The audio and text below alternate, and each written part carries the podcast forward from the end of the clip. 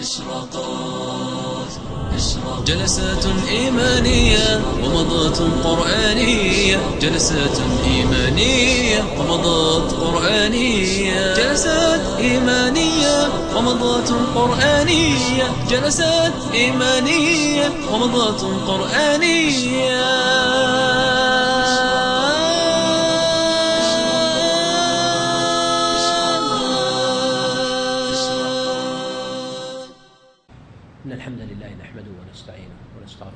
ونتوب إليه ونعوذ بالله من شرور أنفسنا ومن سيئات أعمالنا.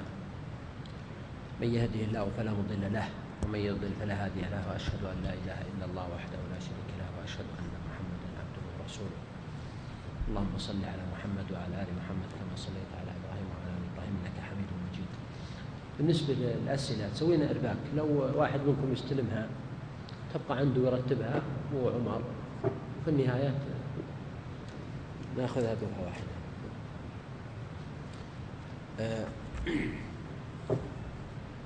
اليوم هو يوم الليلة ليلة الاثنين السادس والعشرين من شهر ربيع الثاني من سنة 1425 للهجرة وهذا هو الدرس الثاني ضمن الدورة المكثفة في التفسير ينعقد في هذا المسجد جامع الراجحي ببريدة. والبارحة أخذنا تفسير سورة والضحى والليل إذا سجى. ف يعني نستذكر معكم وعشان نسوق الجوائز ولا إن شاء الله ذاكرتكم ليست محل اختبار. فيما يتعلق بهذه السورة ذكرنا سبب نزولها. وتبعا لسبب النزول ذكرنا أن الوحي للنبي صلى الله عليه وسلم مر فيه أكثر من فترة فنريد إيضاح هذه النقطة أيضا. نعم. أي نعم. أي. أرفع صوتك بس كلكم أرفعوا صوتكم عشان نسمع زين.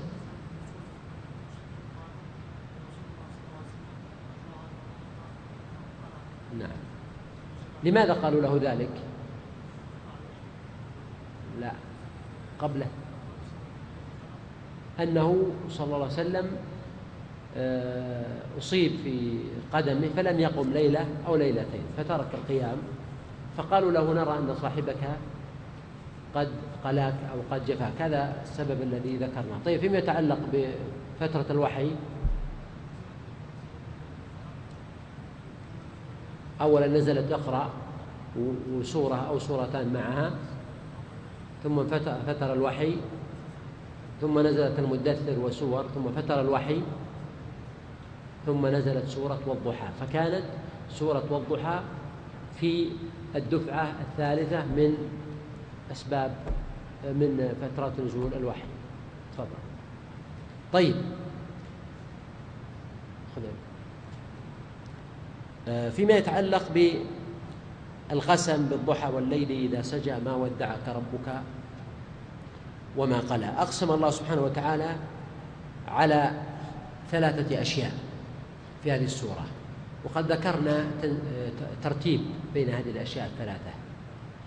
تنسيقها ولا الآخرة خير لك من الأولى ولسوف يعطيك ربك فترضى. فما هي ما هو ترتيب هذه الأشياء الثلاثة؟ يعني ما هي العلاقة بين الأمور الثلاثة التي أقسم الله عليها؟ ما في. طيب معاني. معاني الآيات ما ودعك ربك ما قال ولا الآخرة ولا سوف يعطيك ربك. إيش معنى الآيات الثلاثة؟ تفضل. لا قلنا ما ودعك ربك وما قلى ما ودعك يعني ما تركك وما قلى ما أبغضك. طيب. ولا الآخرة خير لك من الأولى؟ الحالة الآخرة دائما أفضل لك من التي قبلها. ويدخل ضمن ذلك أن الدار الآخرة خير لك من الدار الدنيا. طيب ولا سوف يعطيك ربك فترضى.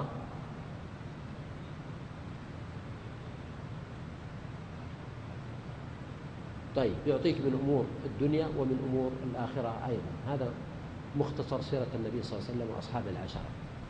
طيب قوله سبحانه ألم يجدك يتيما فآوى ووجدك ضالا فهدى. ذكرنا إيواء الله للنبي صلى الله عليه وسلم. ما معناه الإيواء؟ كيف أوى؟ نعم. أنت. أي نعم. أي.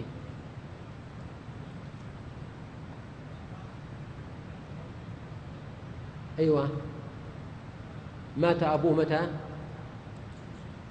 ها؟ وهو جنين. وماتت أمه؟ طيب. ربه من؟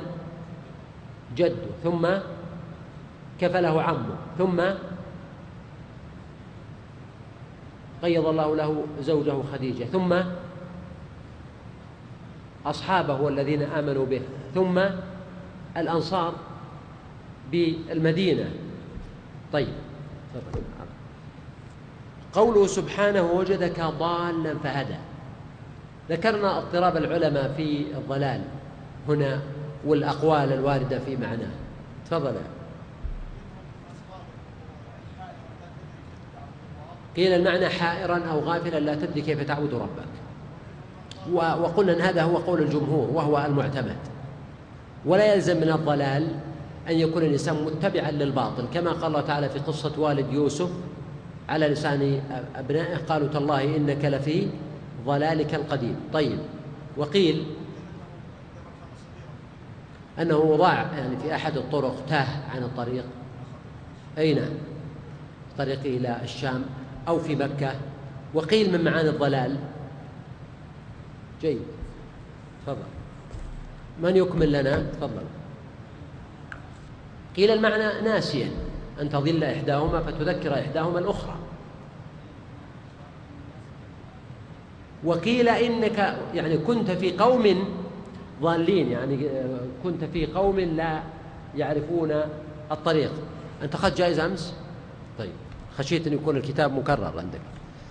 طيب فهذا من معاني ووجدك ضالا فهدى ووجدك عائلا فأغنى طيب فيما يتعلق بالآيات الثلاث الآن السؤال هذا يعني بنمنحه جائزة لشرح الأربعين النووية الشيخ محمد بن عثيمين رحمه الله. السؤال ما هو؟ يقول ألم يجدك يتيما فآوى ووجدك ضالا فهدى وجدك عائلا فأغنى. هذا بالنسبة للرسول صلى الله عليه وسلم. أنا حاولت أمس أن أعطي الأمة حقها من هذه الآيات. أن لا تخص النبي صلى الله عليه وسلم بل هي خطاب الله ولأمته أيضا. نريد بيان هذا المعنى بس يتقنه الواحد عشان الوقت ضيق علينا.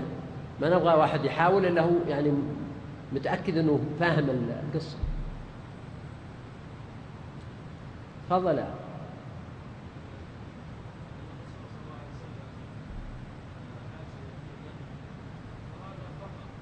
لا إحنا نتكلم عن الأمة هنا.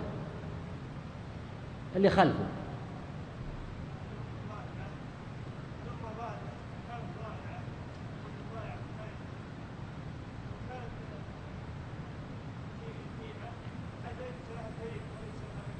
أيوة.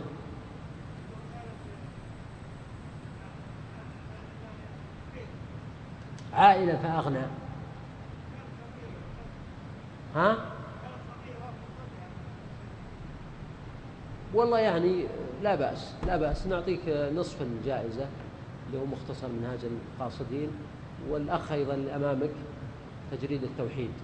نرجع السؤال في أحد عنده ضبط للسؤال؟ محمد.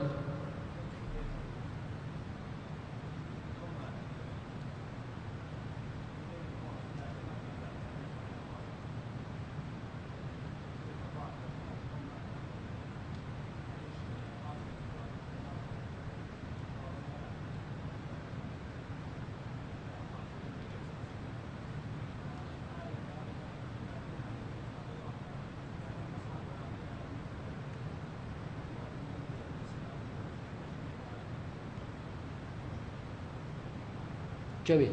تفضل. حسن. يعني طبعا الأخوة جابوا آه، يعني مسكوا الطريق لكن كان ودنا كما قلت بإتقان الجواب لأن هذه نقطة مهمة. فقلنا بالنسبة ليتم الأمة إنه الأمة كانت يتيمة بمعنى إنه ليس لها امتداد سابق ولا مجد ولا حضارة ولا تاريخ. واليتم هو انقطاع الإنسان عن ماضيه عن والديه مثلا. فأواها الله سبحانه وتعالى فأواكم وأيدكم بنصره. ووجدك ضالا. الأمة أيضا كانت في ضلال وإن كانوا من قبل لفي ضلال مبين. فما كان عندهم معرفة ولا علم ولا آه، أنزل الله تعالى آه، عليهم قبل القرآن من كتاب ولا بعث فيهم قبل الرسول صلى الله عليه وسلم من نبي. فكان النبي صلى الله عليه وسلم هداية لهم وبالتالي هم صاروا سادة الأمم وقادة الحضارة. وجدك عائلا فاغنا أيضا كانوا فقراء. ما عندهم إلا زرع بسيط وما عندهم إلا رحلة الشتاء والصيف. وكان يأكل بعضهم بعضا ويقتل بعضهم بعضا ويسبي بعضهم بعضا. فالله سبحانه وتعالى أغناهم أغناهم بالفتح والنصر والتمكين ثم أغناهم بالثروات الهائلة التي توجد اليوم في بلاد المسلمين. فأما اليتيم فلا تقهر وأما السائل فلا تنهر. طيب أيضا هذا سؤال وإن كان بسيط إلا أنه جائزته كبيرة لأنه كبير. أنا قلت أمس أن هذه الآية وهذه السورة ونظيراتها سور أخرى تبرز وتكرس لنا معنى عظيما جدا أنه من مقاصد البعثة ومن مقاصد الرسالة. أيوة. ارفع صوتك. قرب شوي ما أسمعك الله يرضى عليك.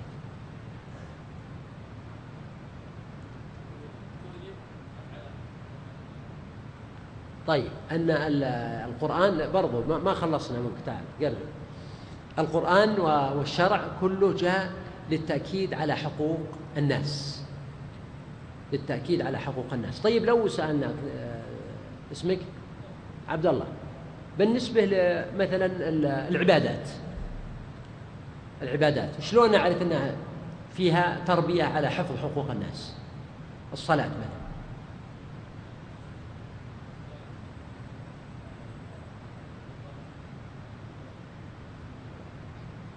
إن الصلاة تنهى عن الفحشاء والمنكر. طيب الزكاة. طيب الصوم. تقوى. أي وتفقد الفقراء. طيب الحج. فلا رفث ولا فسوق ولا جدال في الحج. آه، إذن يعني نحن أبرزنا معنى نقول أنه من أعظم مقاصد الشرع في العبادات والمعاملات وغيرها وهو أن مدار الشريعة على حفظ الحقوق. هذه تشجيع لك يا عبد الله لأنك أول مرة تشارك معنا. طيب. بارك الله فيك. قال فأما اليتيم فلا تقهر وأما السائل فلا تنهر وأما بنعمة ربك فحد. آه ننتقل إلى سورة والليل. وإن شاء الله الأسئلة الباقية من نجي لها فرصة الحين إن شاء الله. خلوكم معنا بس. آه، سورة والليل. أولا هذه السورة اسمها والليل كما هو في أولها أو الليل بدون واو.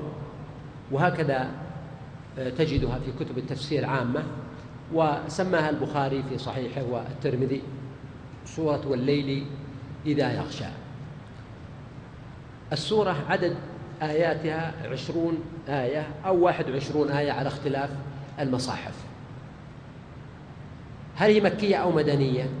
مكية عند الجمهور وبعض المفسرين لم يذكروا إلا هذا لكن نقل عن بعضهم أنها مدنية وقال آخرون إن السورة فيها مكي وفيها المدني.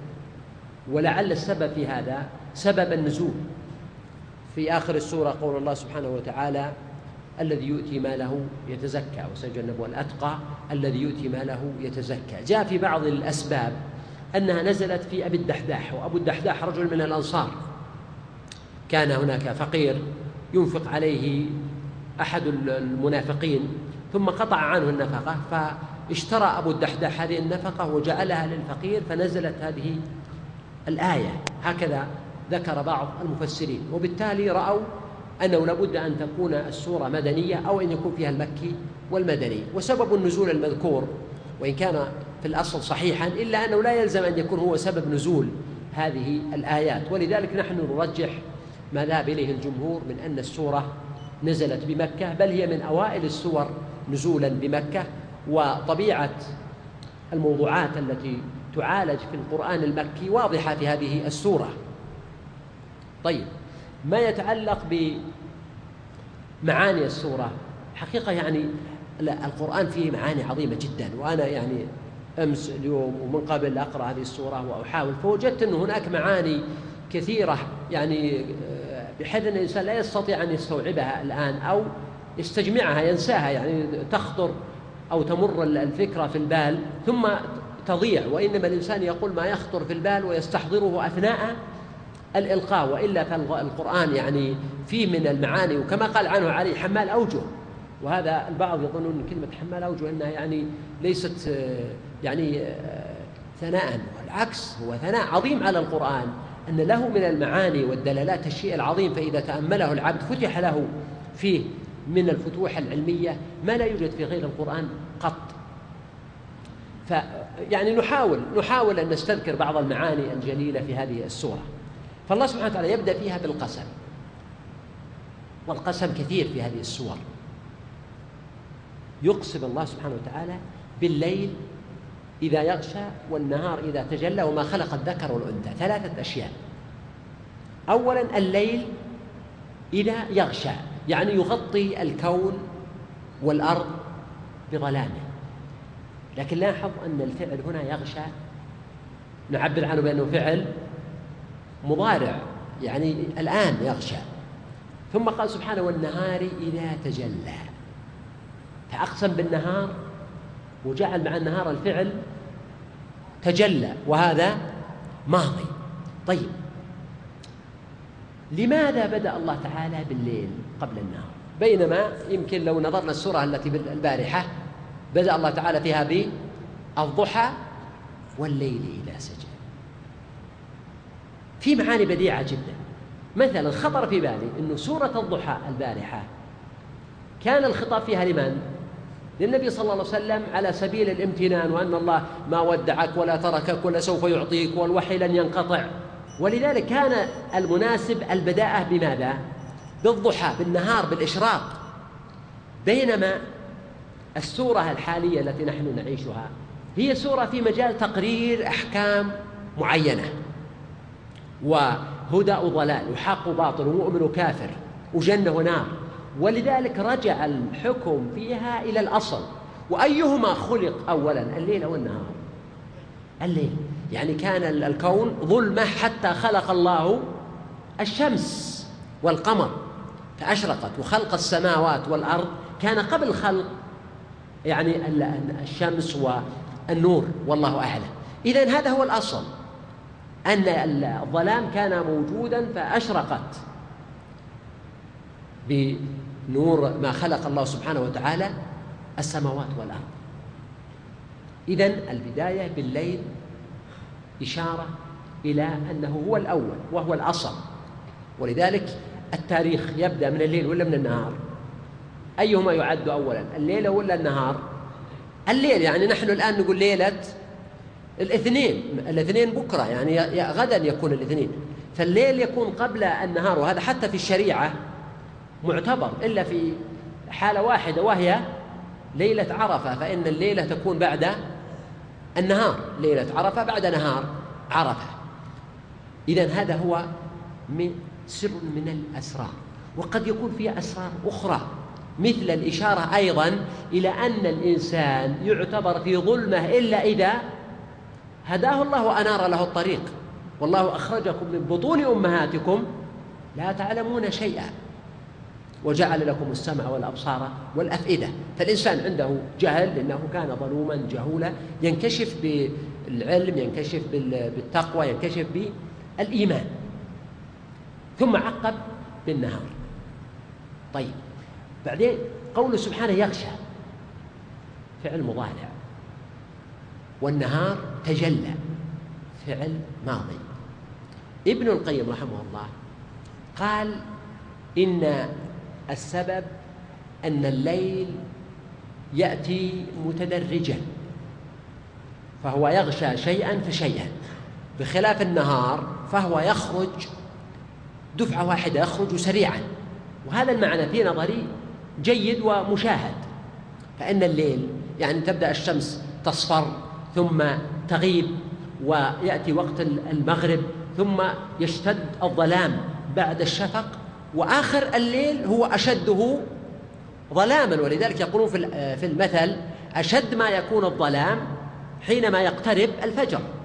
يعني يقولون هذا على سبيل التفاؤل وأنه لا تيأس. وكلما اشتد الظلام استبشرنا بقرب طلوع الفجر. إذا الليل يتدرج يغشى شيئا فشيئا. أما النهار فإنما هي لحظة واحدة ثم تشرق الشمس فإذا الكون كله نور. حتى ما بين بزوغ الشمس إلى ارتفاع الشمس الوارد في الحديث ارتفاعها قدر رمح قدرناه بكم دقيقة؟ ربع أو عشر دقائق. ربع دقيقة ربع ساعة أو عشر دقائق. فهذا من أسباب التعبير عن الليل بالفعل المضارع يغشى وعن النهار بالفعل الماضي الذي هو تجلى والنهار إذا تجلى.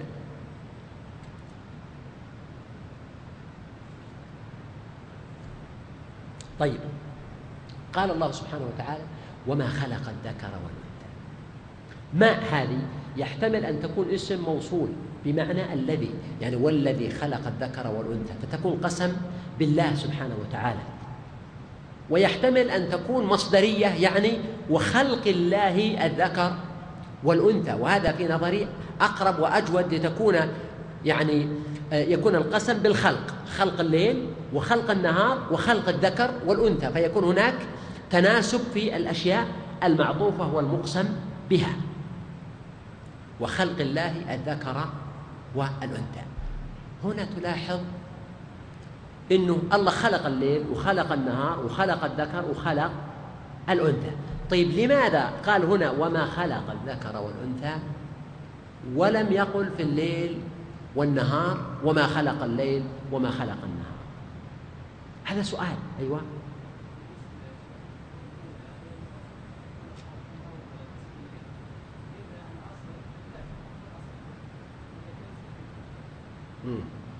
طيب.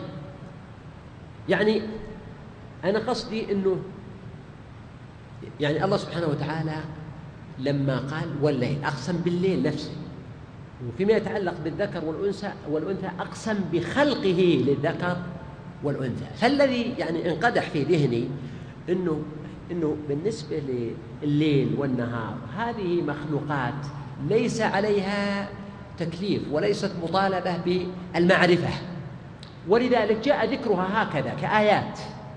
أما الذكر والأنثى فجاءت مقرونة بخلقها إشارة إلى أن لها خالق وأنها متعبدة بمعرفة هذا الخالق وطاعته واتباعه والإيمان به. ولذلك قال وما خلق الذكر والأنثى.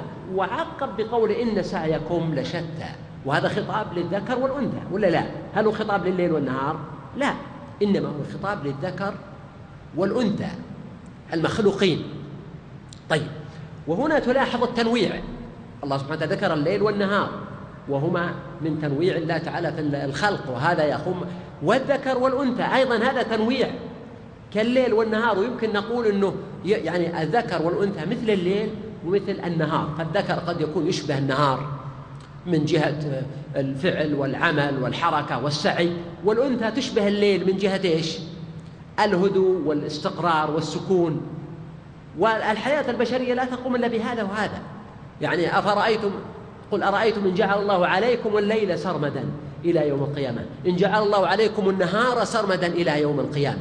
فالكون يصلح بالليل والنهار وهكذا يصلح بالذكر. والأنثى. هل الليل والنهار أضداد متضادة متحاربة؟ نعم هي مختلفة لكنها ليس بينها ضدية الحرب والصراع. وهكذا الذكر والأنثى. ينبغي أن يكون بينها الانسجام والتبادل والتناوب.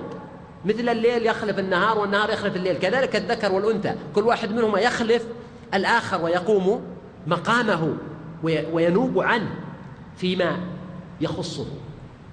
وما خلق الذكر والأنثى إن سعيكم لشتى. هنا جاء في رواية عند البخاري في قصة أبي الدرداء وأبي موسى الأشعري وقراءة والذكر والأنثى. وهذه القراءة ليست من القراءات المتواترة السبعية ولا يصح القراءة بها ولو قرأ بها ما صحت.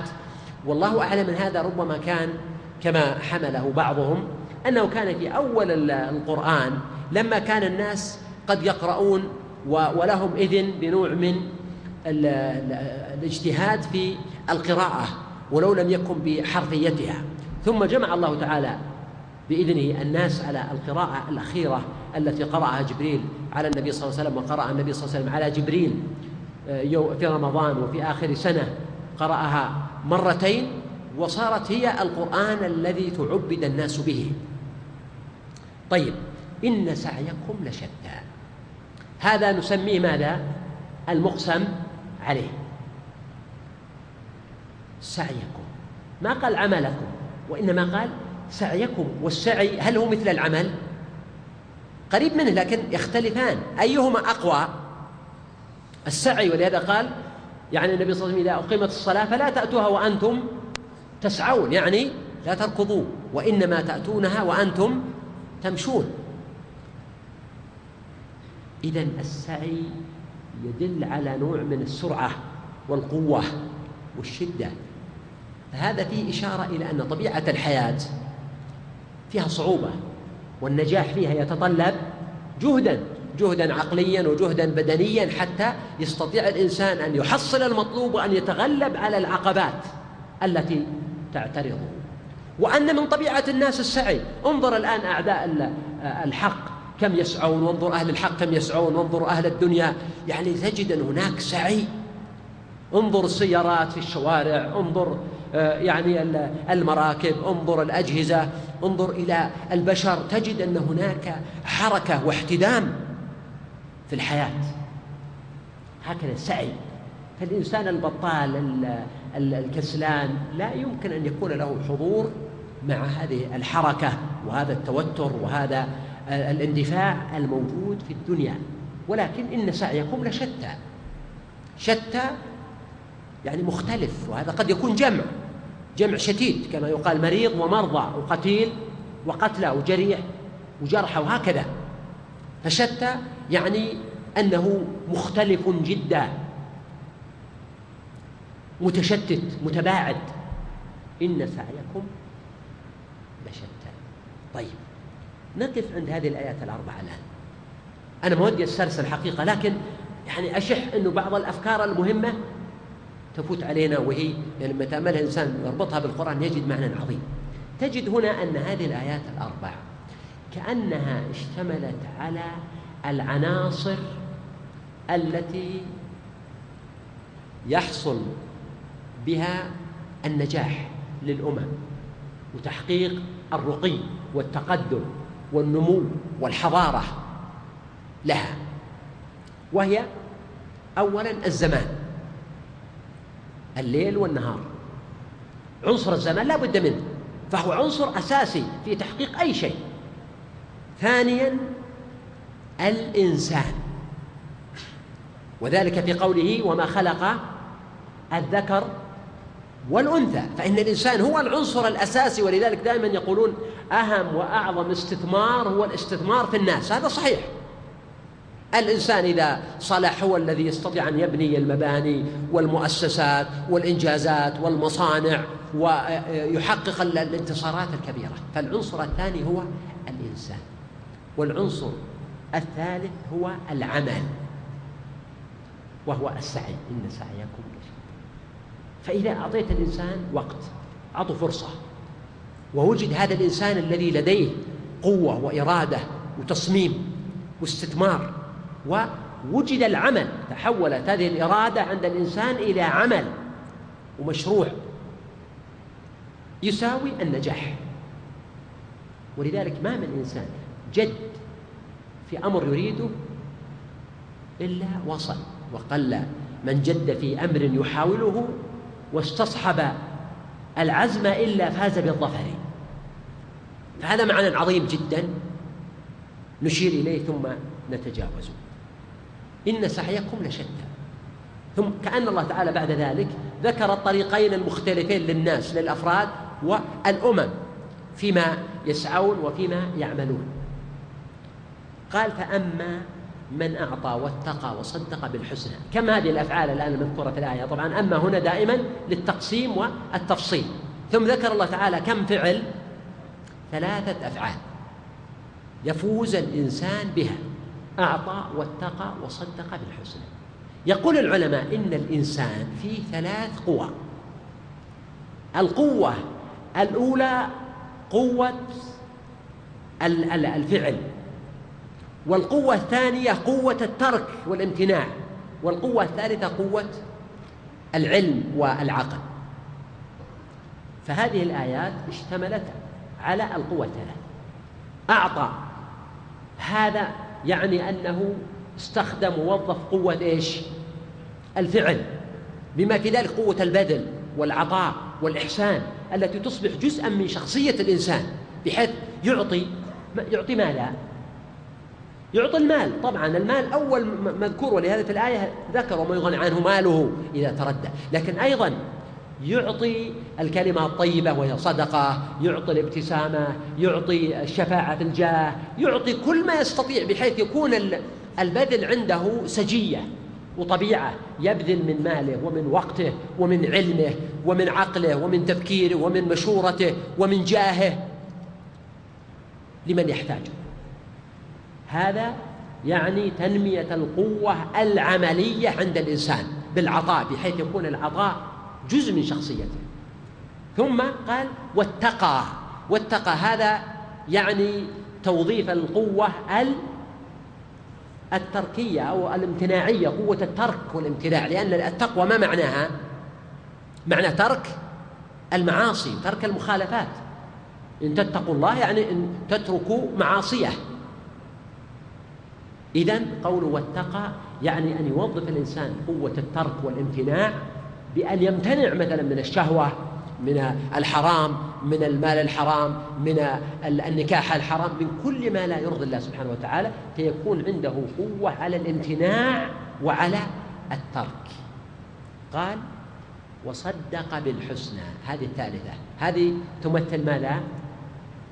القوة العلمية أو العقلية. بأن يكون عند الإنسان تصديق بالحق.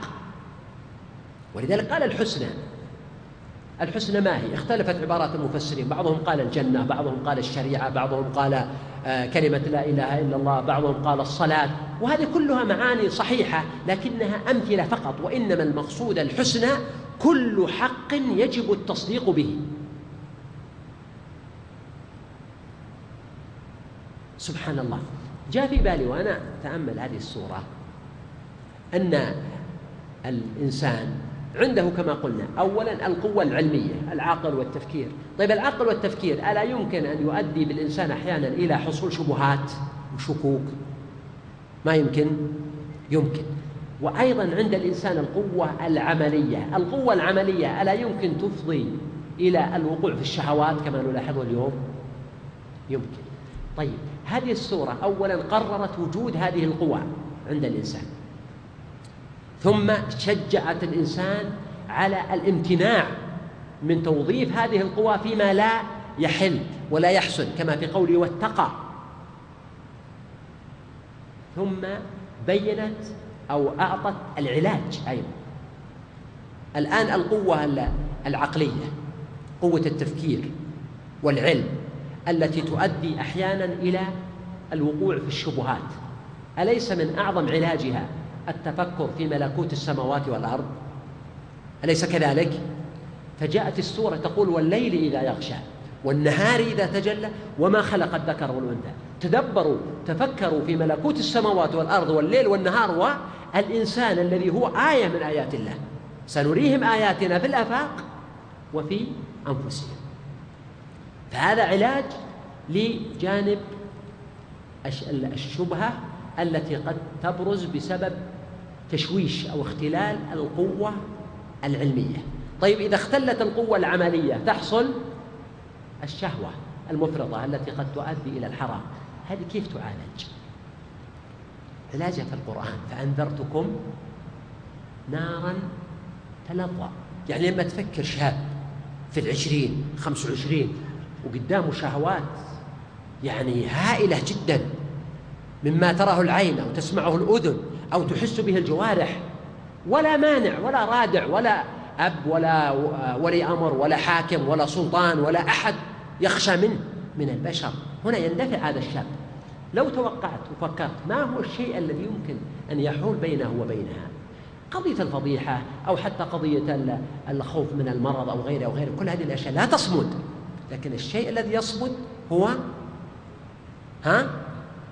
تقوى الله. الخوف من النار. يعني أيضا بالمقابل لما ترى وعيد الله سبحانه وتعالى بالنار يعني وقودها الناس والحجارة وما جاء في النصوص والأحاديث من وصف النار تجد شيء فظيع. فظيع. وضخم. فإذا قارنت هذه بهذا عرفت سر الوعيد الشديد بالنار من أجل أن يكون هناك مقاومة لهذه النوازع والدوافع الشهوانية القاتلة عند الإنسان. فيقع بذلك نوع من التقابل والتوازن. فتجد في هذه المعاني والأسرار العظيمة. فهنا القسم الأول ممن وعدهم الله تعالى بالخير هو هو من أعطى واتقى وصدق بالحسنى. قال الله سبحانه وتعالى فسنيسره لليسرى. واليسرى أيضا أحسن ما قيل فيها الحالة اليسرى. أن يسهل الله له ويهيئ له الحالة الميسرة. تكون أموره كلها ميسرة في الدنيا وفي الآخرة. فمن التيسير لليسرى السعادة والهناء وقرة العين ومن التيسير لليسرى رضا الله سبحانه وتعالى ومن التيسير لليسرى سهولة وفرح الإنسان بلقاء الله تعالى عند الموت ومنها ما في القبر ومن ذلك أيضا ما في الحساب ومنها أن يسهل الله له دخول الجنة. فبقدر ما تكون الأعمال الصالحة سهلة عليه يسهل عليه كل شيء حتى دخول الجنة. وبقدر ما تشق عليه هذه الأعمال حتى لو كان من الصالحين يكون الأمر بالنسبة له أصعب. يعني بقدر عندك الآن إيمان وعندك تيسير لكن لو كان إيمانك أقوى كان تيسيرك أشد أيضا. ولعلي ذكرت لبعض الإخوة قصة الرجل الذي هو آخر الناس دخولا الجنة. الذي يقول يا ربي وجدتها ملأى فيقول الله له اذهب فادخل الجنة فإن لك الدنيا وعشرة أمثال الدنيا. وقلت للإخوة هذا طبعا من هو في النهاية ممن آمن فهو من الصنف الأول ولكنه من أواخرهم. لأن الصنف الأول درجات فيهم الدرجة العليا والوسطى والدنيا زي ما في الدنيا تجد هذا طالب ممتاز وهذا جيد جدا وهذا جيد وهذا ضعيف وهذا مقبول لكن في النهاية كلهم ناجحون.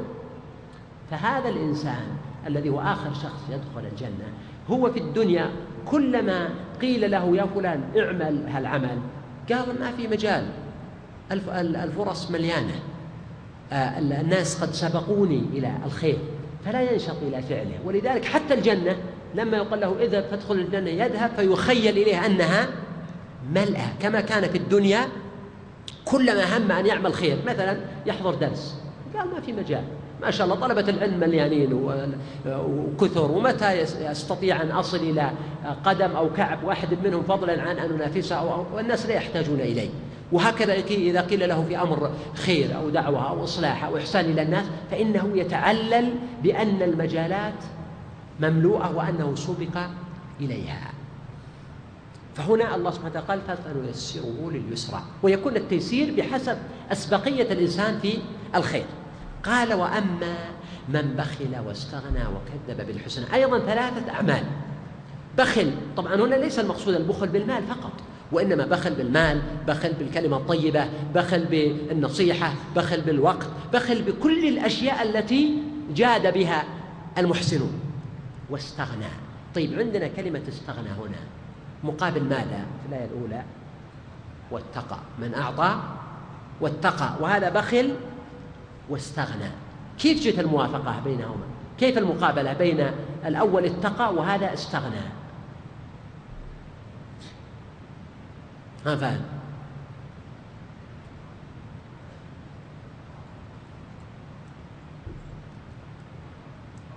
واتقى. الأول اتقى والثاني استغنى.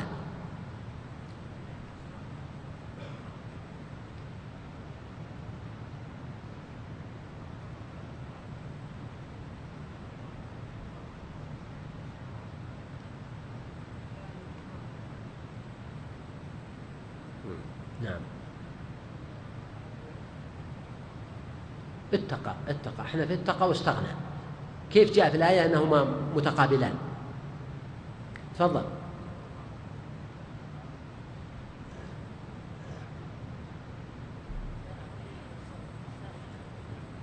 استغنى عن إيش؟ عن ها؟ عن إيش؟ ما أسمع المهم عشان بس طيب المهم إنه عندنا استغناء وعندنا اتقى المقابلة بينهما الأول أعطى واتقى ذكرنا التقوى ومعناها وهو واضح. والآيات في التقوى كثيرة. هذا بخل بما عنده واستغنى استغنى عن من؟ عن الله. هذا المقصود. لأن الذي اتقى اتقى من؟ اتقى الله لعلمه بأن الله تعالى هو الذي خلقه ورب وهو ربه وأن مصيره إلى الله تعالى وأن عند الله الجزاء والحساب والجنة والنار. فلذلك اتقى. هذا الإنسان بخل وأمسك المال واستغنى استغنى عن الله سبحانه وتعالى. ولهذا نقول إن الإنسان لا يقع في الضلال والكفر والمعصية إلا وعنده نوع من الشعور بالاستغناء إذا شعر أنه وحده الإنسان وحده سواء كان فرد أو حتى أمة من الأمم. يعني لا تنظروا دائما إلى الإنسان كفرد وإنما انظروا كما قلنا إلى قضية المجموع. الآن الأمم التي كفرت بالله تعالى مثل أمم الغرب أمريكا أوروبا اليابان وغيرها. هذه الأمم ربما حققت تقدما كبيرا في المادة. لكن الخلل الروحاني والإيماني والعقدي الذي وجد عندها بسبب ماذا؟ شعورها بالاستغناء. يعني شعروا أن الإنسان بسبب المكتشفات والعلم والحضارة والتقدم وتوظيف العقل أنه لم يعد بحاجة كما يعبرون أحيانا إلى وصاية الله عليه. ولهذا استغنوا عن الله تعالى وكذبوا بالحسنى فهؤلاء ييسرهم الله تعالى للعسرى. فنقول وإن كان عندهم اليوم من الدنيا تيسيرات مادية كثيرة إلا أنهم لو اتقوا الله وأطاعوه وصار عندهم إيمان مع ما عندهم من الحضارة لكان ما هم فيه من التيسير أضعافا مضاعفة. وأيضا هم حرموا وإن حصلوا على تيسيرات مادية إلا أنهم حرموا من النعيم الإيماني ولذلك تجد أن أعلى نسبة للانتحار والأمراض النفسية هي حيث يوجد أعلى مستوى من الحضارة والتقدم ودخل الفرد في الدول الأوروبية وغيرها. فمن بخل واستغنى وكذب بالحسنى فسنيسره للعسرى. يعني للأمر العسر نهيئ له التعسير في أموره كلها في الدنيا وفي الآخرة. إذن هما طريقان ما للمرء غيرهما. هنا نلاحظ أنه يعني عند هذه الآيات النبي العلماء يبحثون موضوع القدر. وقد جاء في الصحيحين حديث علي رضي الله عنه لما كان النبي صلى الله عليه وسلم في بقيع الغرقد ف يعني سأله الصحابة رضي الله عنهم عن العمل وهل هو فيما يستأنف أو في أمر مضى؟ فقال في أمر مضى وقالوا ففيما العمل يا رسول الله؟ قال أما من كان من أهل السعادة فسيسره الله تعالى لعمل أهل السعادة وأما من كان من أهل الشقاوة فسيسره الله تعالى لعمل أهل الشقاوة. ثم قرأ النبي صلى الله عليه وسلم هذه الآية فأما من أعطى واتقى وصدق بالحسنى فسنيسره لليسرى وأما من بخل واستغنى وكذب بالحسنى فسنيسره للعسرى. وهنا يناسب أن نشير إلى موضوع القدر لأنه موضوع مهم. وأنا لن أدخل في الكلام الأبحاث الكلامية والفلسفية وغيرها في موضوع القضاء والقدر. لكني سوف أشير إلى معاني وإشراقات أرجو أن تكون يعني نوعا من تلقيح العقول في هذا الموضوع. فأولا الحساب والعقاب في الآخرة إنما يكون بموجب ما جعله الله تعالى في قلوبنا وفي نفوسنا من الإدراك الضروري الذي يعلمه كل أحد أنه يفعل باختياره. يعني لا اترك اترك مجادلات الفلاسفة. خلنا بالواقع الآن. أي واحد فينا نحن الحاضرين؟ أليس الآن يكتب باختياره؟ أليس يشرب باختياره؟ ويقوم ويقعد باختياره؟ إذا تضايق ما يطلع؟ يطلع. طيب إذا الجلسة ما أعجبته ما يغيرها؟ يغيرها. إذا شكل الشماغ ما انضبط مثل شماغي ما يستطيع عدله؟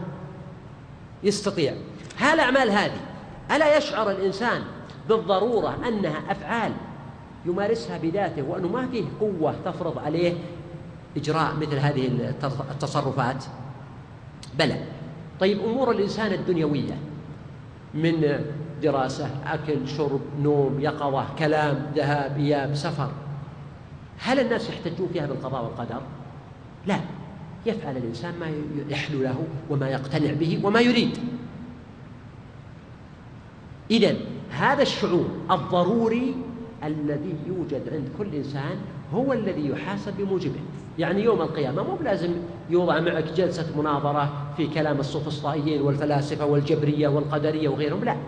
ألم يكن لديك وأنت إنسان شعور ضروري عندك تحس به أنت حتى لو كنت طفلا صغيرا أو إنسان ضعيف العقل أنك تفعل باختيارك وتترك باختيارك هذا الشعور هو الذي بموجبه تحاسب وتجازى وتعاقب إن خيرا وإن شرا. هذا مهم مهم جدا. ثانيا فيما يتعلق بالقضاء والقدر نحن نقول الله سبحانه وتعالى خلق الخلق وعلم ما هم عاملون وهذا أيضا قدر ضروري.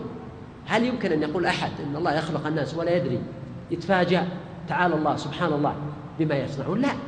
الله علم ما الخلق عاملون.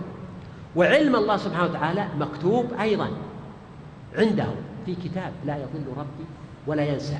و وأيضا الكون كله وما فيه خلقه الله تعالى بإرادته فكل ما وقع في الكون فهو بإرادة الله عز وجل. لكن هل نظن أن علم الله تعالى هو الذي يملي على الإنسان ما يعمل أو إنه يكشف ما الإنسان عامل. طيب إرادة الله تعالى هل نظن وتعالى الله تعالى أن إرادة الله اعتباطية بحيث أنه هذا الإنسان يريد الخير والله يريد الشر؟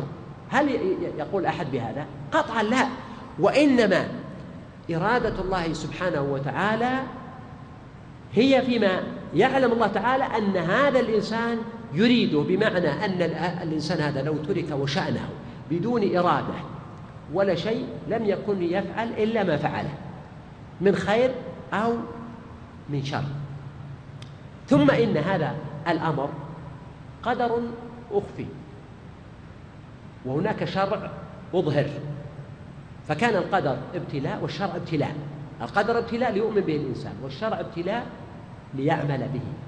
الإنسان. ولا تضاد ولا تناقض بينها طيب. قال الله سبحانه وتعالى وما يغني عنه ماله إذا تردى. ماء هنا؟ ما معناها؟ ها؟ نعم. نافية. صحيح. لا يغني عنه ماله. ويحتمل أن تكون استفهامية. ما الذي يغني عنه ماله إذا تردى وكلاهما وارد في هذه الآية. يعني فيصلح فيها الاستفهام ويصلح فيها النفي. وطبعا لم يذكر هنا شخص فهي تصلح لكل أحد وبعضهم قد يقول المقصود مثلا أمية بن خلف أو أبي بن خلف أو أحد المنافقين أو غيرهم. لا يغني عنه ماله إذا تردى. وفي ذلك إشارة إلى قضية المال أيضا. إذا كنا قلنا أن مدار رقي الأمم وقيام الحضارات على ثلاثة أشياء قلناها قبل قليل ما هذه الأشياء الثلاثة؟ الزمان والإنسان والعمل. فهذه الآية تشير إلى شرط وهو المال. فإن المال ضروري والذي يملك المال يملك القوة. والاقتصاد عصب الحياة. ولذلك أبرزه في هذه السورة مع أنه هو واحد من العطاء من أعطى واتقى وواحد من الأشياء التي يبخل بها من بخل واستغنى. فهنا قال الله تعالى وما يغني عنه ماله إذا تردى. يكون المعنى تردى في نار جهنم. وقد يكون المعنى تردى في قبره أو تردى رداءه رداء الكفن الذي يلبسه يسمى رداء. والأقرب أن المعنى إذا تردى يعني هلك وسقط. بما في ذلك هلاكه في الدنيا أو هلاكه في الآخرة وذلك لأن المال من أكثر الأشياء التي تحول بين الناس وبين الهداية والطاعة ولزوم الطريق. ثم يقول الله سبحانه وتعالى إن علينا للهدى وإن لنا للآخرة والأولى. إن علينا للهدى. يعني الله سبحانه وتعالى أوجب على نفسه كرما منه وفضلا البيان. فالهدى هنا البيان. إن علينا جمعه وقرآنه. ثم قال ثم إن علينا بيانه. فقوله سبحانه إن علينا للهدى أي أن الله تعالى أوجب على نفسه بيان الحق للناس. هذا معنى الهدى. ليس معناه أن يهتدي الناس لأن الواقع أن الناس منهم من يهتدي ومنهم من يضل. وإنما الله تعالى يقول علينا للهدى يعني علينا بيان الحق كما قال سبحانه فأما ثمود وأما ثمود فهديناهم فاستحبوا العمى على الهدى. هديناهم يعني بينا لهم وكما قال في السورة الأخرى وهديناه النجدين. يعني بينا له طريق الخير وطريق الشر. إن علينا للهدى. فهذا فضل من الله سبحانه وتعالى. ومع ذلك الإنسان يملك أن يهتدي ويملك أن يضل. والله غني عن الإنسان إن اهتدى فهو لن يزيد في ملك الله شيء. وغني عن الإنسان إن ضل فهو لن ينقص ملك, ملك الله شيء. ولهذا قال بعدها وإن لنا للآخرة والأولى. فماذا ينفع الناس ربهم؟ إن أطاعوه أو يضروه يضرونه إن عصوا. إن الله تعالى له الآخرة وله الأولى له الدنيا وله الآخرة. وإنما الإنسان يهتدي لنفسه أو يضل فعليها ولهذا قال هنا سبحانه فأنذرتكم نارا تلظى. وهذا من الهدى. لما قال إن علينا للهدى فمن الهدى أن الله سبحانه وتعالى ينذرنا النار. ويقول سبحانه أنذرتكم نارا تلظى. أي تتوهج وتتقد. وهذا النذير النبي صلى الله عليه وسلم كان يقول في المسجد في الصحيح يقول للصحابة أنذرتكم النار حتى سقط رداؤه عن منكبه وحتى سمعه من في السوق. لأنه بغير الإيمان بالآخرة والجنة والنار يكون الإنسان عبارة عن سبع تهيأت له أسباب السلطان أو أسباب المال أو أسباب الشهوة ليش يتركها؟ ما يتركها إلا إذا آمن بوعد غيب يترك من أجل البعد عن النار ويفعل من أجل القرب من الجنة. وهذا ما ذكرته قبل قليل في وجود قوة للامتناع عند الإنسان عن المعاصي وأن مما يمنعه عن ذلك الخوف من العقاب الخوف من النار. أنذرتكم نارا تلظى. قال الله تعالى لا يصلها إلا الأشقى الذي كذب وتولى. الأشقى يسميها النحويون أفعل تفضيل يعني الأكثر شقاوة. طيب والشقي ما يصل النار يصلى ومنهم شقي وسعيد. فأما الذين شقوا ففي النار. إذا هنا قوله سبحانه لا يصلها إلا الأشقى. إما أن يكون معناها الشقي وهنا لا إشكال. أو يكون المقصود هنا نار خاصة وهي نار الكفار التي لا يخرجون منها نار الخلود الأبدي السرمدي ولهذا قال لا يصلاها. يعني ثم نحن أعلم بالذين هم أولى بها صليا. فيكون في ذلك إشارة إلى الأشقى يعني الكافر وأما النار فيدخلها. الكفار ويدخلها عصاة من عصاة المؤمنين من يريد الله دخولهم فيها ثم يخرجهم منها بإذنه. ولذلك يعني الخوارج استدلوا بهذه الآية ونحوها فيما اعتقدوه من تكفير أصحاب المعاصي. واستدلالهم باطل. فإننا نقول إما أن المقصود أن نار الكفار أو أن المعنى لا يصلاها أي لا يعذب بها أبدا سرمدا. وهذا من معاني الصلي. أو أن يكون المعنى الأشقى يعني الكافر بالله عز وجل الذي كذب وتولى. فأشار إلى أن الشقاء هنا يتعلق بالتكذيب وبالتولي. التكذيب باللسان ورفض الدين والتولي بالفعل فهو جمع بين أنه كذب بلسانه وكذب بالرسل. ولا نقول إن الكفر لا يكون إلا بالتكذيب بل نقول الإنسان قد يكفر بالتكذيب وقد يكفر بالفعل وقد يترك بترك يكفر بترك الفعل.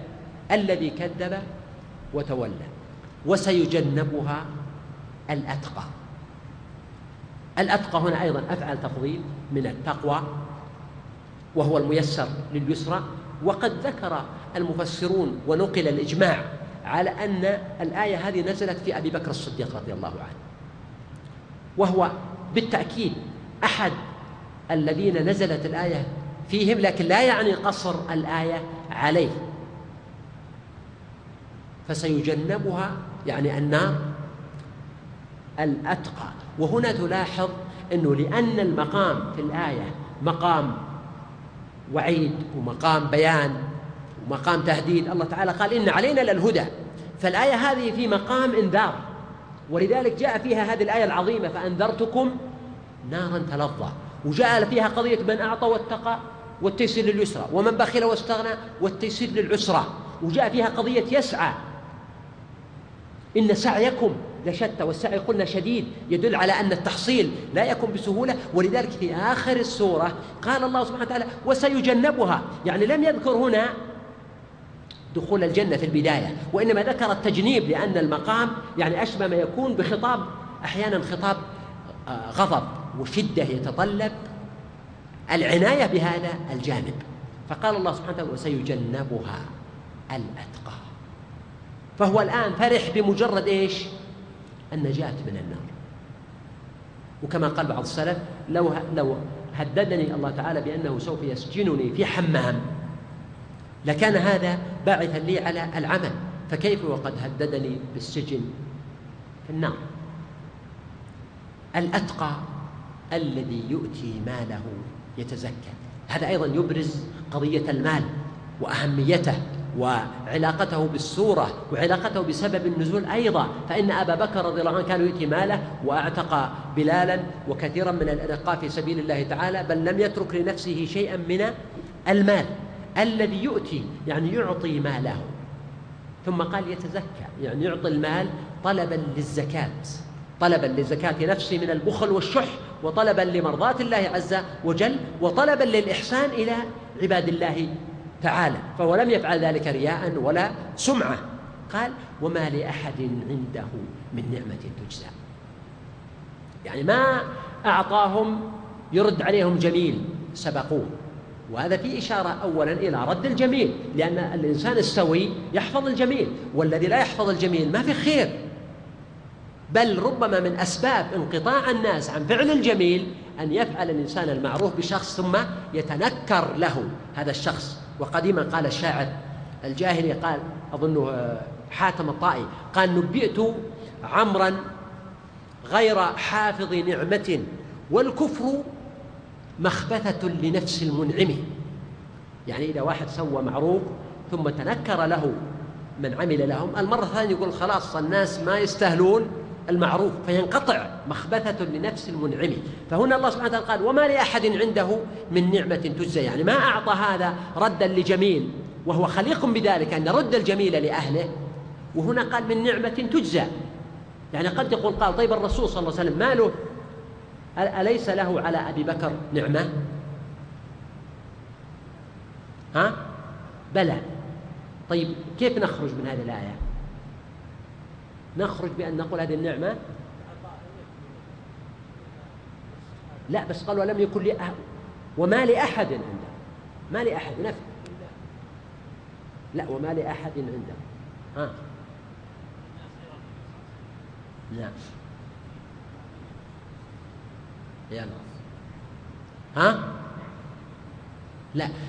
قول من نعمة ثم عقب وصف النعمة بكونها تجزى.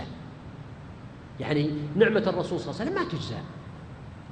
مهما فعل الإنسان آه، في جنب النبي صلى الله عليه وسلم حتى لو أريق دمه بين يديه ما جاز وكافى النعمة. ولذلك آه، آه، أبو أبو عبيدة أبو عبيد الذي قتل أو عبيدة عبيدة الذي قتل بين يدي النبي صلى الله عليه وسلم وكان يقول يعني والله يا رسول الله لو رآنا أبو طالب لعلم أننا أحق منه حينما يقول لك كذبتم وبيت الله نبزا محمدا ولما نطاع دونه ونناظره ونسلمه حتى نصرع دونه ونذهل عن أبنائنا والحلائل. فهنا قال من نعمة تجزى يعني نعمة النبي صلى الله عليه وسلم وفضل النبي صلى الله عليه وسلم على أبي بكر الصديق وعلى كل أفراد الأمة مثل ما سبق أن ذكرنا يوم من الأيام كلام عن الشافعي يعني يقول ما من نعمة بنا في ليل أو نهار أو دين أو دنيا أو نفس أو أهل أو مال ظاهرة أو باطنة إلا والنبي صلى الله عليه وآله وسلم سبب فيها. هذا لو تأملته وجدته كلاما جيدا. فالمقصود أن أن هذا الرجل الصديق أو كل من يصلح له الخطاب أيضا لم يكن عطاؤه مجرد رد نعمة يجزيها بها وإنما كان ابتداء بالفضل والإحسان وابتغاء وجه ربه الأعلى إلا ابتغاء وجه ربه الأعلى. ثم قال الله سبحانه وتعالى ولسوف يرضى. هذا وعد. شوف حتى الرضا قال ولسوف فأحال على المستقبل لأن الآية والسورة فيها شدة. فجاء مناسبا أن يكون الرضا وعد بقوله ولسوف يرضى يعني في الدار الآخرة يكتمل له الرضا. وهنا أيضا تلاحظ المعنى اللطيف. أيهما نزل أولا سورة والليل ولا سورة والضحى؟ الضحى. طيب الأقرب أن سورة والضحى نزلت قبل سورة والليل. في الضحى ربنا سبحانه وتعالى أعطى النبي صلى الله عليه وسلم ومهد له كثيرا وقال ولسوف يعطيك ربك فترضى. يعطيك ويعطيك ويعطيك حتى ترضى. فهنا أبو بكر الصديق أفضل الناس بعد محمد صلى الله عليه وسلم وخير هذه الأمة. ناسب أن يكون له من هذا الرضا النصيب المعجل ولا سوف يرضى وأن تكون السورتان متجاورتين. هذا فيها البشارة والرضا للنبي صلى الله عليه وسلم وتلك فيها البشارة والرضا لأبي بكر الصديق. وإن كنا نقول أن الآية ليست خاصة بأبي بكر الصديق وإن كان هو سبب نزولها إلا أنها لكل من عمل بمثل هذه الأعمال الصالحة الفاضلة. أكيد في السورة معاني كثيرة وأنا حينما أغادركم أرجع إلى أوراقي فأجد الكثير مما فاتني كما حصل بالأمس لكن إن شاء الله ما سمعنا فيه الخير والبركة. طيب يقول هل كانت تنزل التوراة والإنجيل مثل القرآن بطريقة تختلف؟ الله أعلم. يقول لا تأتوني وأنتم تسعون. يقول الله إذا نودي للصلاة من يوم الجمعة فاسعوا إلى ذكر الله. كيف الجمع بينهما؟ من يجيب على هذا السؤال؟ هذا فيه جائزة. كيف نجمع بين قوله إذا, إذا نودي للصلاة فاسعوا؟ وبين قول النبي صلى الله عليه وسلم فلا تأتوها وأنتم تسعون وأتوها وأنتم تمشون. أبو أحمد؟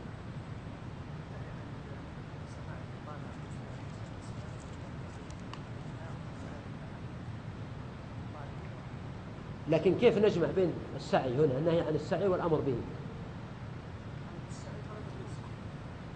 لا. فاسعوا إلى ذكر الله. ها؟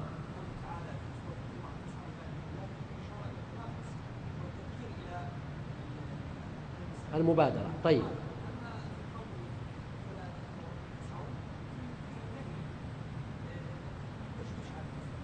نعم. إذا نقول آه، الجواب صحيح. نقول أن قوله فاسعوا إلى ذكر الله يعني امضوا إلى ذكر الله وليس المقصود اركضوا وإنما المقصود المبادرة مثلا في أول الوقت وما أشبه ذلك. وأما الحديث فلا تأتوها وأنتم تسعون يعني لا تركضوا إلى الصلاة لئلا يقع لكم تشويش. طيب. في السورة بدأ الله تعالى بالليل ثم عقب بالنهار ثم قال آه وما خلق الذكر والأنثى. لا يكون التقابل بين الأمور الأربعة هي الليل يقابل الذكر والنهار يقابل الأنثى؟ فالليل هو أصل الأصل المخلوق أولا والذكر هو الأصل وخلق أولا. والله هذا بعد معنى لطيف. يعني من حيث الترتيب وما خلق الذكر والأنثى خلق الذكر لأن المرأة خلقت من آدم من ضلع آدم. ذكرت من شروط النجاح ثلاثة الزمان والإنسان والسعي والعمل. ألا يمكن إضافة الرابع وهو تنوع الأعمال والمجالات. هو هذا من العمل هذا من العمل. طيب نريد أن تدلنا على تفسير معاصر سهل العبارة. والله من أفضل التفاسير الحديثة السهلة تفسير الشيخ عبد الرحمن السعدي. وجدت فيه معاني جيدة واختصار وسهولة في الأسلوب. أين يقع مركز التصوير؟ ما ما أدري. ها؟ شارع السادة طيب. ألن يكون هناك لقاء مفتوح كما حدث العام الماضي؟ لا بأس هذا اقتراح جيد ممكن نخلي أو آخر ليلة نجعلها كذلك ذكرت في بداية الدرس أن ما ذهب من الدنيا أكثر مما بقي. هذا العصر مو باليوم أو لا؟ والله هذا هو الظاهر من النصوص. حديث ابن عمر في البخاري لما قال آه، مثل المسلمين واليهود والنصارى أو عملوا إلى نصف النهار وإلى آخره.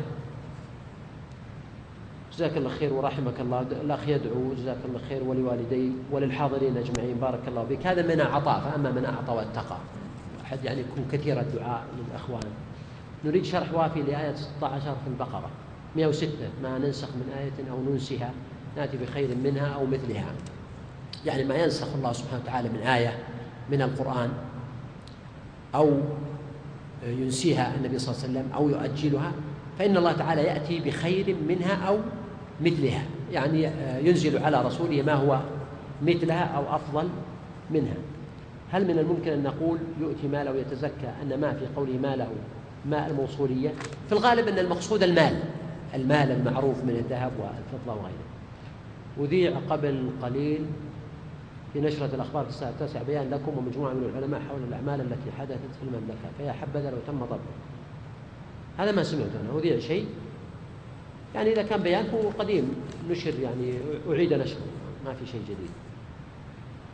هل لكم كتب في الأدب ونحوه أو أشرطة؟ والله فيه كتيبات ومقالات وقصائد. إن شاء الله عندنا موقع جديد في الإنترنت سيكون خاص لي. تابع طبعا للإسلام اليوم وسنجعل فيه الأدبيات والشعر وبعض المقالات مستقلة يقول الاقتصاديون إن عوامل الإنتاج ثلاث الزمن ويتضمن الليل والنهار العمل ويتضمن وجود الإنسان. ثالثا راس المال. أه، جميل. يعني انت رجعت الآن للنقاط الثلاث لأنه إحنا أضفنا المال أه، بعد ذلك. لكن هذه الأشياء أه، في الجانب الاقتصادي ولذلك يعني قدموا فيها رأس المال. هل هناك هل هذا من باب التهكم بالكافرين؟ قوله فسنيسره. والله هذا سؤال جيد. قوله فسنيسره للعسرى. يعني كيف ذكر التيسير؟ نقول الأقرب إما أن يكون هذا من باب ما يسميه البلاغيون بالمشاكلة والمزاوجة. يعني مثل قوله تعالى فبشرهم بعذاب أليم ف وإما أن يكون المعنى نيسره يعني نهيئه نسهل ذلك له بما أنك أشرت إشارة عن القدر فإنه يريد أن أسأل نفس هذا السؤال. إذا كانت المعاصي مقدرة على العبد فكيف يعاقب عليها؟ ونحن أجبنا على نفس السؤال بنفس الجواب. قلنا لك جزاك الله خير. أولا ما الذي أدرى العبد أنها مقدرة عليه؟ ثانيا العقاب هو على الإرادة الموجودة عندك الضرورية التي تشعر فيها بالفارق القطعي بين ما إذا نويت أنك تنزل من الدرج وبين ما إذا واحد قهرك بالقوة والغلبة وحملك ولم يجعل لك فرصة للفكاك والانفراد ونزل بك من الدرج. هل الحالتين واحدة؟ يعلم بالضرورة القطعية أنهما مختلفتان. الأمر الثالث قلنا أنه حتى القضاء والقدر هل تظن أنه اعتباطي؟ الله سبحانه يعلم أن هذا الإنسان أهل للخير ولذلك يسره له وذاك أهل للشر ولذلك يسره له. هذه أسئلة من الإنترنت. زوجي رجل ثري والحمد لله. جزاه الله خير وأوصيك أختي دينا الأخت من ألمانيا. تقول فأعطى أمي بعض أشياء من وراء فأعطي أمي بعض أشياء من وراء زوجي. أكل مثلا. فهل هذا حرام مع أني أكون في غاية الضيق إذا أكلت وحدي منه وأسرتي لا تعرف هذه النوعيات من الأكل؟ ليس في ذلك بأس إن شاء الله خصوصا إذا كان زوجك يعني وهو إن شاء الله كذلك ممن يعني يحب العطاء كما شرحنا قبل قليل. ولا يسوء أن تعطيهم فتعطينهم ولو لم تستأذني في ذلك. أما إذا علمت أن هذا آه، يسوءه وأنه قد يضر به أو أنه آه، يثقل عليه أو يؤثر على يعني آه، ماديته وعطائه وماله فلا تفعل.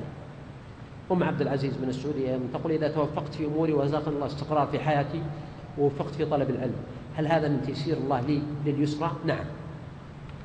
وما بكم من نعمة فمن الله. وعليه يجب أن انتبه إن كنت في ضيق أن هذا من تيسير الله لي للعسرة وأراجع حساباتي وأبحث عن الخلل لأن ما يحدث بسبب تقصيري في الطاعة أو ورودي للمعاصي. هذه لا ليس بلازم. ولكن ثم إذا مسكم الضر فإليه تجأرون لأن الإنسان تنتاب أحيانا حالات نفسية قلق توتر هم غم وسواس خواطر عوارض فتور في الهمة. فما ينبغي أنه يضيف إلى نفسه عبء آخر هذا بسبب ذنوبي الاسم طالبات علم السعودية ليس عندنا سوى طلب بسيط وهو أن تدعوننا بالثبات والتمكين في الدين وجزاك الله خيرا اللهم فقههن في الدين وعلمهن التأويل وثبتنا وإياهن والمسلمين جميعا بقولك الثابت في الحياة الدنيا وفي الآخرة. باقي عندنا الكتابين ولعل من العطاء ما ننصرف إلا وقد يعني صرفناهما للإخوة. أنا أشوف أن الأخوين اللي أجابوا على السؤال الأول لما سألنا عن قضية الآيات الثلاث وقلنا نصيب الأمة منها. وجدك ألم يجدك يتيما فآوى وجدك. وين الأخوة؟ في أخوين أجابوا ولا منحناهم جائزة. تفضل. في الأخ الثاني. في أخ أيضا أيضا أجاب الظاهر عندنا هنا ولا أعطيناه منحة. أنت ولا ولا فهد؟ طيب. خذ يا فهد. إن كان عندك فأعطه سبحانك اللهم وبحمدك نشهد أن لا إله إلا أنت.